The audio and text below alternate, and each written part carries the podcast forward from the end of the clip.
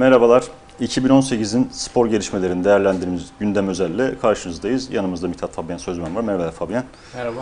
2018'deki 2018 yılında sporda olan gelişmeleri biraz bir değerlendirelim. Neler oldu, neler bitti hatırlayalım istiyoruz. Sence 2018'in en akılda kalıcı spor e, şeyi neydi?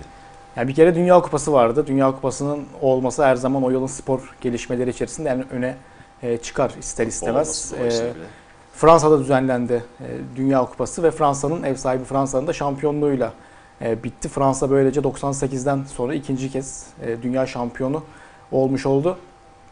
Finalde Hırvatistan'la karşılaştı. Bu tabii enteresandı. Hırvatistan 98'de yine Fransa'nın kazandığı turnuvanın Evet. üçüncüsüydü.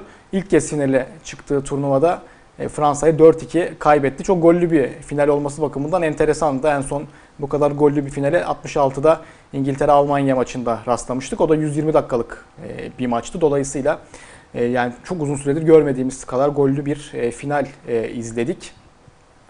Tabii Fransa adına öne çıkan isimler vardı. Yani Kylian Mbappe, Aha. işte Griezmann gibi futbolcular Fransa'nın önde gelen isimleriydi ama Hırvatistan'da da Luka Modric'in performansı çok ko- konuşuldu. Luka Modric aynı zamanda Real Madrid'deki başarılarıyla da 2018'in e, 2018'de Ballon d'Or e, ödülünü alarak Evet. aslında e, o da tabii ki Ballon d'Or ödülleri her zaman futbolda çok önemli e, yer e, tutar orada. E, kendi adına önemli bir ilki e, başarmış oldu. Ballon d'Or'da tabii kadınlar da e, yılın en iyi kadın e, futbolcusu da e, seçildi. Ada Egerberg e, ödüle layık görüldü. Norveçli golcü futbolcu Olimpik Lyon forması giyiyor aynı zamanda ama ödül töreninde enteresan bir şey vardı. Ondan belki bahsetmek e, gerekiyor. Törenin e, sunucusu Hegerberg'e yani twerk yapabilir misin gibi bir yani bir dans e, biçimi ama tabii orada onu biraz böyle e, aşağılayacak bir biçimde e, söyledi ve Hegelberg'in yanıtı da e, biraz aslında sert oldu. Hayır dedi ve e, töreni terk etti. Bu aslında biraz orada e, futbolda erkek egemen anlayışın kadınları hala nasıl gördüğünü yansıtması bakımından çarpıcı e, bir örnekti. Çünkü yani sadece siz burada işte hani burayı daha eğlenceli kılmak ya da hani biz dans etmenizi istediğimizde dans etmeniz için e, buradasınız gibi bir mesajı mesela ben çok rahat edindim. Bu bakımdan e, yılın önemli gelişmeleriydi ve Ballon d'Or'un da bence hani Modric'in kazanması ya da işte Messi'nin 5. olması çok tartışıldı ama bence en öne çıkan yan oydu. Evet. Tabii Dünya Kupası'ndan bahsetmişken e, Var vardı. Var vardı. Kez, Ondan hani bahsetmek Dünya lazım. Bu kadar büyük çapta. da, e, evet önemliydi ve hani bu senede aslında 2018'in devamında da daha da yaygınlaştığını görüyoruz. Artık İngiltere Premier Lig ve Şampiyonlar Ligi dışında pek çok e, arenada kullanılıyor. kullanılıyor. Onlar da kullanılmaya başlanacak büyük ihtimalle. Evet, Dünya Kupası ile ilgili aslında birkaç şey de söyleyebilirim. Gerçi ama daha önceki programlarda da ayrıntılı konuştuğumuz için biraz hızlıca geçebiliriz. Ee, Ballon d'Or'dan sonra Şampiyonlar Ligi'ne bir bakalım istersen. Şampiyonlar Ligi'nde Real Madrid'in bir rekoru var.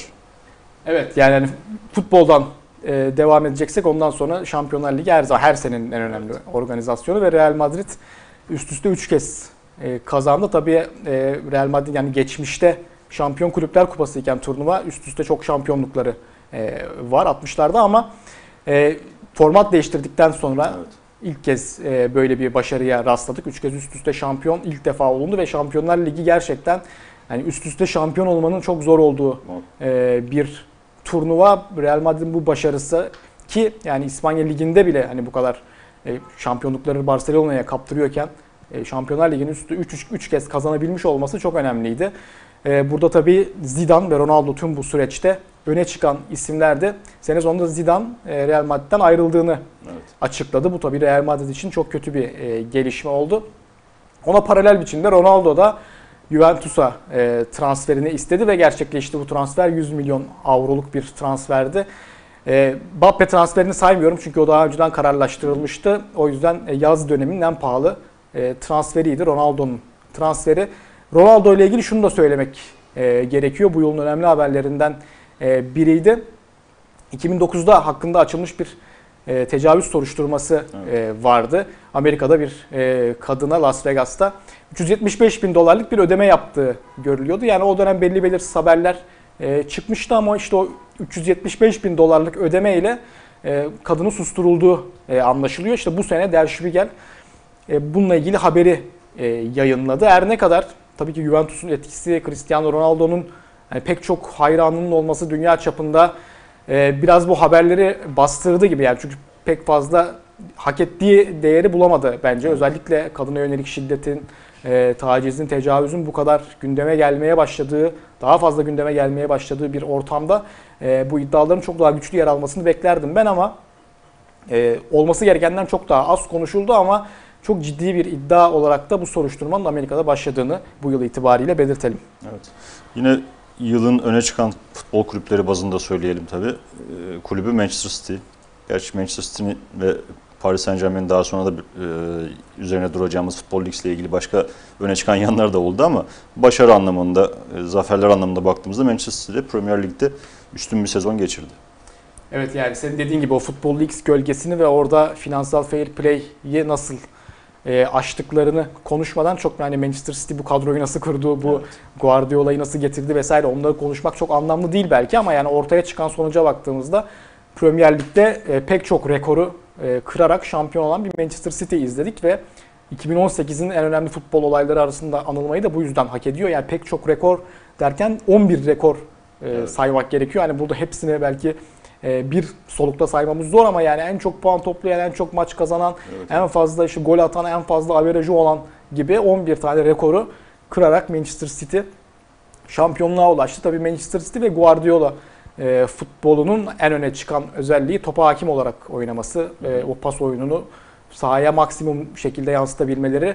Sezon boyunca bir başka rekorları bu da ortalama %71 topa sahip olan bir e, takım e, yaratmış olması Manchester City'nin gerçekten e, öne çıkan başka bir noktaydı. Evet.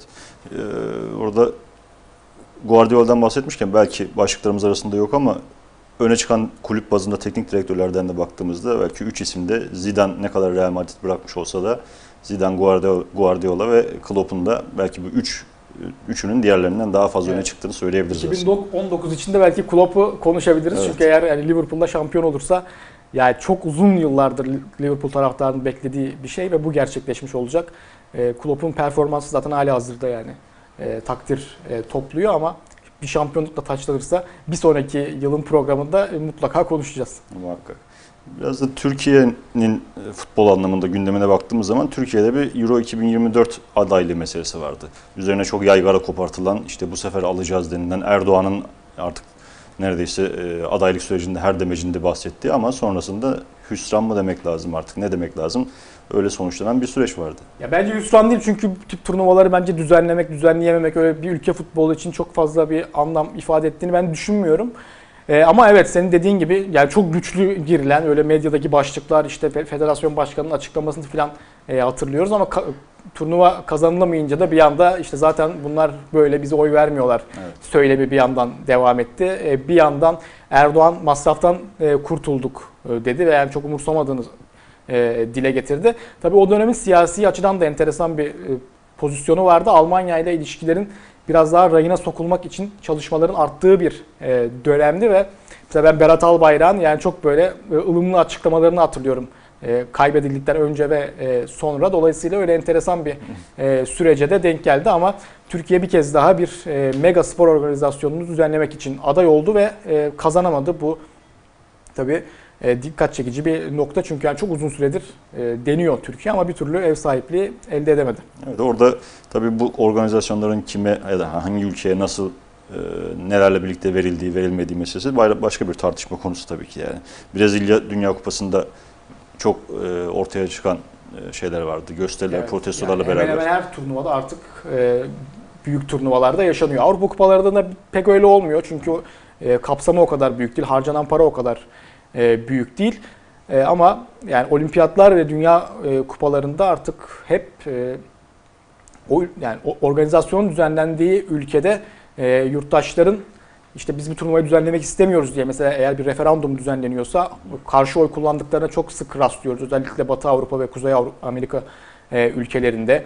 E, ya da işte Brezilya'da, Güney Afrika'da örneklerini gördük. Protesto gösterileri çok fazla e, gelişebiliyor. Tabii bu da bu organizasyonların, e, kurumların bu organizasyonların düzenleme e, biçimlerinde de kendilerini biraz sorgulamalarına yol açtı. Yani bu ne kadar gerçekçi bir sorgulama orası Evet. başka bir tartışma konusu ama yani işte çok para harcamayalım vurgusu mesela çok öyle çıkıyor. Birazdan kış olimpiyatlarında konuşacağız.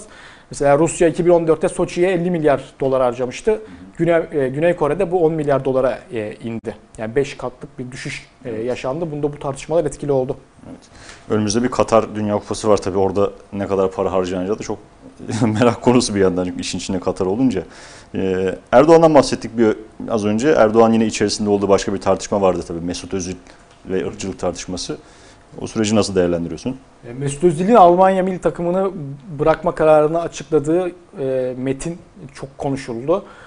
E, tabii e, ırkçılık suçlamasında bulundu Mesut Özil. E, haklı yanları olan e, bir açıklamaydı ama tabii şöyle durumlar da var. Yani Mesut Özil'in o pozu e, Erdoğan'la verdiği poz Almanya'da çok tartışıldı ve Erdoğan'ın hani geçmişte bir yıl önce pozu verdiği dönemlerde Almanya aleyhinde sarf ettiği e, cümleleri hatırlıyoruz. Bir yandan Erdoğan'ın uluslararası arenada yani Türkiye'de e, yani evet biz burada çok eleştiri, eleştiriyoruz ama artık orada da e, hani bu eleştiriler e, duyuluyor ve yani bu kadar insan haklarını ayaklar altına alan e, bir devlet başkanıyla başka bir devlet başkanıyla böyle poz vermesi Almanya'da eleştirildi. Bir yandan da e, aşırı sağcılar, ırkçılar e, bunu kullanarak e, eleştiriler yürüttü. Mesut da ona dayanarak aslında o ırkçılık e, suçlamalarında bulundu diyebiliriz. Tabii bizim açımızdan şöyle enteresan bir yanı vardı. E, Türkiye medyası da bu saflaşma e, boyunca bir anda böyle Mesut Özil'e çok destekleyen e, bir e, konum aldı. İşte verildi. ırkçılık karşıtı böyle şeyler falan böyle manşetlerde yer aldı. Halbuki 2009'da 2010'da Mesut Özil Almanya milli takımını seçtiğinde aynı spor medyası medyasında e, gazetelerde Mesut Özil'in hain e, olarak yaftalandığını e, görüyorduk. Dolayısıyla orada pek e, Türkiye spor medyasının bu konudaki bu buradaki ırkçılık hassasiyeti yani çok işi gerçekten bilenleri yakından takip edenleri çok e, tatmin etmedi, çok inandıramadı. E, ki aynı zamanda e, halen deneyimlediğimiz bir durum da var. Ahmet Spor gerçeği var. Ahmet Spor yıllardır e, Türkiye'de özellikle çatışmalı sürecin e, yükseldiği günlerden bu yana sürekli baskı altında, sürekli deplasmanlara taraftarlarının gitmesi engelleniyor, taraftarlarına saldırılar gerçekleştiriliyor, cezalar e, veriliyor.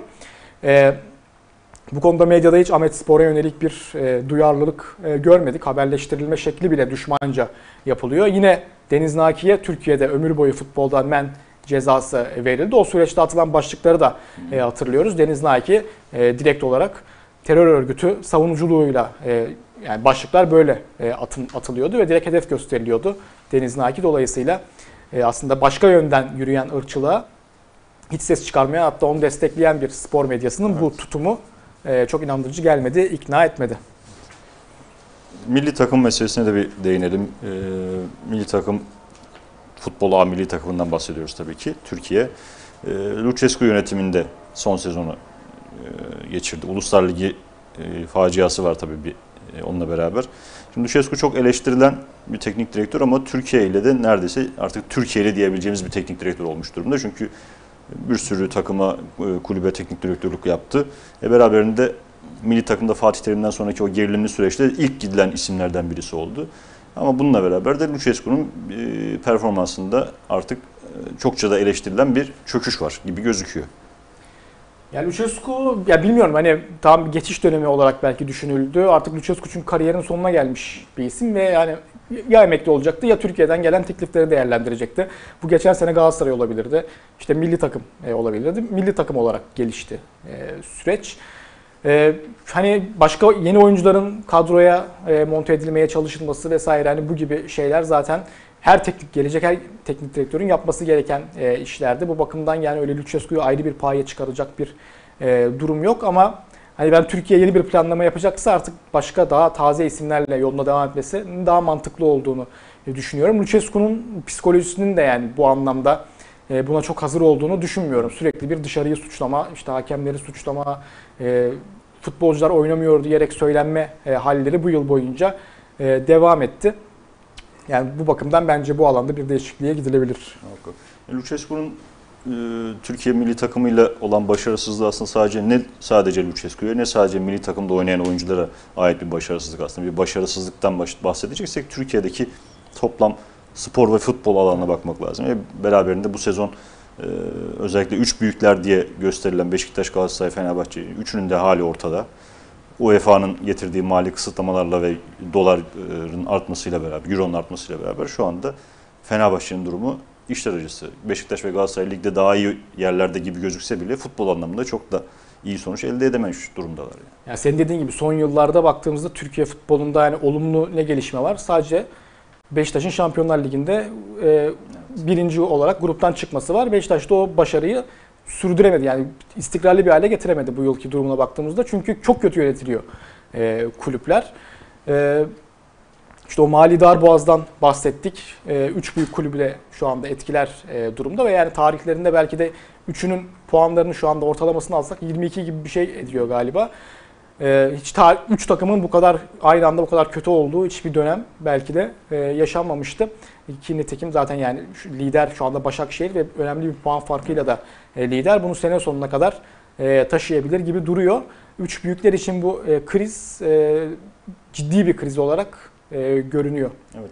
Burada üç büyüklerdeki büyüklük meselesinin aslında Türkiye'de e, futboldaki e, öğrenme, biriktirme, menajerlik, teknik direktörlük, futbolculuk anlamında profesyonellik bazında değil de daha çok parayla bağlantılı bir büyüklük olduğu konusunda da sanırım işler biraz daha netleşiyor gibi gözüküyor. Çünkü Evet. baktığımız zaman büyüklük sadece parayla olmuyorsa bugün de büyük olmaları gerekiyordu gibi düz bir mantıkla böyle bir sonuca ulaşılır sanırım.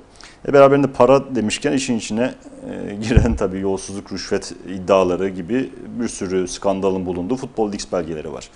Bu da bayağı bir e, sansasyonel meseleyi açığa çıkardı ama Türkiye'de tabii bu nerede konuşuldu, kim konuştu onlar çok sınırlı kaldı. Evet yani Futbol X belgeleri bu yıl işte ortaya çıkan e, yeni belgelerle birlikte e, diyelim. Yani pek çok gerçeği ortaya çıkardı ama Türkiye'ye özeline bakacak olursak e, bir numarasında bunların Federasyon Başkanı Yıldırım Demirören vardı ama Yıldırım Demirören'in e, siyasi iktidarla olan bağlantıları ve aynı zamanda yine siyasi iktidarla olan bağlantıları sebebiyle bir medya patronu haline getirilmiş olması nedeniyle Türkiye spor medyasında buradaki belgelerde ortaya çıkanlara e, yönelik hiçbir haberin e, ana akım medyada kendisine yer bulamadığını e, gördük. Çok ciddi E, iddialar bir de yani. Evet yani hani yani işte Beşiktaş'ı aslında bugün de yaşadığı ekonomik sıkıntılarda nasıl pay sahibi olduğunu, menajerlerle özel ilişkilerini nasıl yürüttüğünü, e, işte usulsüz anlaşmaları nasıl imza attığına dair e, pek çok e, belgede belgelerde ifadeler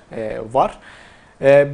Yani bunların Türkiye'de hiç gündeme gelmiyor oluşu bir aslında yani Türkiye spor medyasının ne durumda olduğunu gösteriyor. Başka bir açıdan baktığımızda da Türkiye futbolunun kimler tarafından yönetildiğini gösteriyor. Hani bütün bu tablo az önce birkaç dakikadır konuştuğumuz o e, Türkiye futbolu niye bu halde sorusunun sorusunun yanıtı aslında. Kesinlikle. Evet, futbolda bunlar olurken bir yandan tabii daha az ım, ilgi gösterilen alanlar da var. Ama buralarda da az başarılar yok. Voleybolda mesela Vakıfbank'ın bu sene elde ettiği başarı gibi. E tabii ya çok daha büyük e, başarılar var. Yani futbolda hiç görülmemiş oranda e, büyük başarılar e, var. Vakıfbank Kadınlar Dünya Kulüpler Şampiyonası'nda üst üste ikinci kez şampiyon oldu. Üçüncü şampiyonluğunu elde etti. Eczacıbaşı Sev Kupası'nda e, şampiyonluğunu elde etti. Yani bu başarıların e, aslında yanından geçebilen futbol e, kulüpleri yok. Buradan basketbolda yine Fenerbahçe'den bahsetmek lazım sanırım. Fenerbahçe yine e, 2019 için de başarılı bir grafik çiziyor ama geçmişte bu, bu yıl içinde, geride bıraktığımız yıl içinde de başarıları e, vardı. Oradan da biraz bahsedelim. E, ba- basketbolda erkekler basketbolda çok önemli bir hakimiyet kurmuş e, durumda. Basket yani ligde zaten yine şampiyon oldu. E, Euroleague'de şampiyon olduğu sezonun ardından finalde Real Madrid'e e, kaybetti ama e, halen 2018'de olduğumuzu düşünürsek yani bu sezonun başı ve Euroleague'deki performansını göz önüne alırsak ligde namağlup devam ediyor. E, Euroleague'de de normal sezonda lider e, durumda. Kadınlar basketbolda da e, sezonu şampiyon tamamladı. Bir ilginç not vardı. Yakın Doğu Üniversitesi bir yıl önce kadınlar basketbolda ligde şampiyon olmuştu. E, bir yıl yani sezon sonunda bir yıl sonra Fenerbahçe'nin şampiyon olduğu sezon sonrası e, basket kadınlar basketbol şubesini kapatma Evet. kararı aldı. Bu da yani spor kurumlarımızda işlerin e, nasıl yürüdüğünü, istikrarsızlığın ne seviyede olduğunun bir göstergesiydi. Ee, bahsetmedik futbolu bitirmeden ama bir de ampute milli takımın başarısı var tabii. O da e, biraz işin ajitasyon kısmıyla beraber samimiyetsizlikle vurgu yapmak için söylüyorum bunu. Yönetenlerin, iktidardakilerin özellikle futbol federasyonu da e, şampiyonluktan sonra çokça manşet atıldı ama o sporcuların oraya gelene kadar ne yaptığını kimse bilmiyordu. Sadece şampiyonluğunda biz haberini almış olduk. Bu da bir, bir yandan samimiyetsizliğin göstergesi gibi oldu aslında. Evet yani Türkiye'de her alanda e, engellilere çok e, düşmanca bir e, kurulum var, oluşum var. Yani hani kentlerin nasıl düzenlendiğinden spor e, hayatına, e, istihdam biçimlerine e, kadar hani bu aynı şekilde spor alanında da e, devam ediyor. Medyada, medya temsilinde de e, devam ediyor. Dolayısıyla onun bir yansımasıydı ama işte kazanınca da yani başarı e, gelince de işi biraz daha yani işte hani bu halde olmalarına rağmen kazandılar e, gibi bir ifadeyle e, ele alıyor e, medya ve yani bu aslında engellerin en e, istemediği yansıtılış e, biçimi. Evet. Az önce bahsettiğim Güney Kore'nin e, Güney Kore'de düzenlenen 2018 kış olimpiyatlarından yine yılın önemli spor organizasyonlarından biriydi o da. Ondan biraz bahsedelim istersen. Evet yani kış olimpiyatları Güney Kore'de Pyeongchang'da e, düzenlendi. Tabii Kuzey Kore'ye de çok yakın bir e, noktada ve Kuzey Kore ile diplomatik e, ilişkilerin de biraz krizde gibi e, olduğu bir anda ve Kuzey Kore olimpiyatlara katılacağını e, açıkladı ve yani bu anlamda tabii ve belki de en önemli hem diplomatik hem sportif e, manada en önemli e, gelişmesiydi. E, yine e, Çek Ester Letečka en öne çıkan sporculardan e, biri oldu. Hani diyebiliriz kış olimpiyatlarının yıldızlarından e, biri oldu. Kendi alanı olmamasına rağmen alp disiplininde e, ödünç aldığı e, kayakla şampiyonluğa ulaşması e, çok konuşuldu. E, kayak sporunun en meşhur sporcularından diyelim Lindsey Vonn büyük ihtimalle son e, olimpiyatını geçirdi. E, o bakımdan 2018'in bir e, önemli yanı vardı. E, bir de e, belki de hani işte Nijerya'nın, Nijeryalı kadın kızakçıların ilk kez e, kış olimpiyatlarına katılmasından bahsedilebilir. Bu Jamaika'nın, Jamaikalı erkek kızakçıların 88'deki 88'de e, olimpiyatlara katılmasından bu yana hep konuşulur yani bu sıcak iklimdeki e, ülkelerin kış olimpiyatlarında e, kış olimpiyatlarına katılması her zaman öne çıkan bir e, nokta olur. Bu yılda e, Nijeryalı kadın kızakçılar o anlamda öne çıktı. Evet.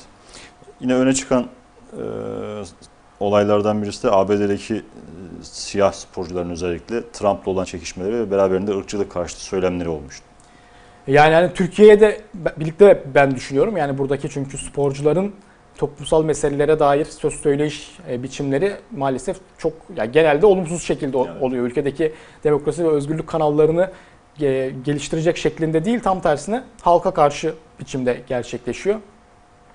Bu bakımdan ABD'de e, siyah sporcuların öncülüğündeki o sporcu aktivizmi e, gerçekten çok üst düzeye çıkmış durumda. Yani 60'lardaki 70'lerdeki seviyelere yaklaşmış e, durumda. E, işte yani LeBron James gibi yani NBA'in en önemli e, yıldızının e, tabii direksiyonun başına geçmiş olması bir kartopu etkisi yaratıyor ve bir de pek çok isim onu takip ediyor. Burada da bu önemli rol oynadı. E, sürekli AB- e, ABD'de sporcular e, Donald Trump'la onun antidemokratik uygulamalarıyla, ırkçı yaklaşımlarıyla mücadele halinde. Bunun da ötesinde işte polis şiddeti gibi alanlarda bazen toplumsal eşitsizlik e, gibi konularda da söz söylüyorlar.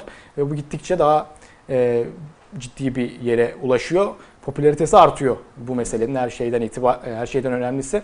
Colin Kaepernick yani NFL'de e, milli maç sırasında diz çökme eylemleri e, başlatmıştı. Bu eylemleri başlattıktan sonra kara listeye alındı ve artık NFL'de barındırılmıyor e, belki ama mesela Nike e, gibi bir e, firma onunla sponsorluk anlaşması yapmak zorunda kaldı. Tabii ki Nike bunu biraz da e, Colin e, Kaepernick'i e, belki de hani nasıl diyelim ehlileştirmek için Evet. yapıyor. Onun böyle bir stratejisi var. Çünkü hani Nike'ın ne olduğunu hep herkes e, biliyor. E, ama e, yine de bu meselenin ne kadar e, ABD'de popüler hale e, geldiğini, ne kadar geniş kesimleri e, kendi içerisinde kattığını gösteriyor ve umarız yani bir dönemde artık bizim sporcularımıza da örnek olur. Evet, umarız. 2018'de hızlı bir bakış atmış olduk böylelikle. Umarım, umarım 2019'da tabii spor adına daha iyi şeyler konuşabiliriz. Umarız. Teşekkür ederiz Fabian. Ben teşekkür ederim. Bir başka programda görüşmek üzere.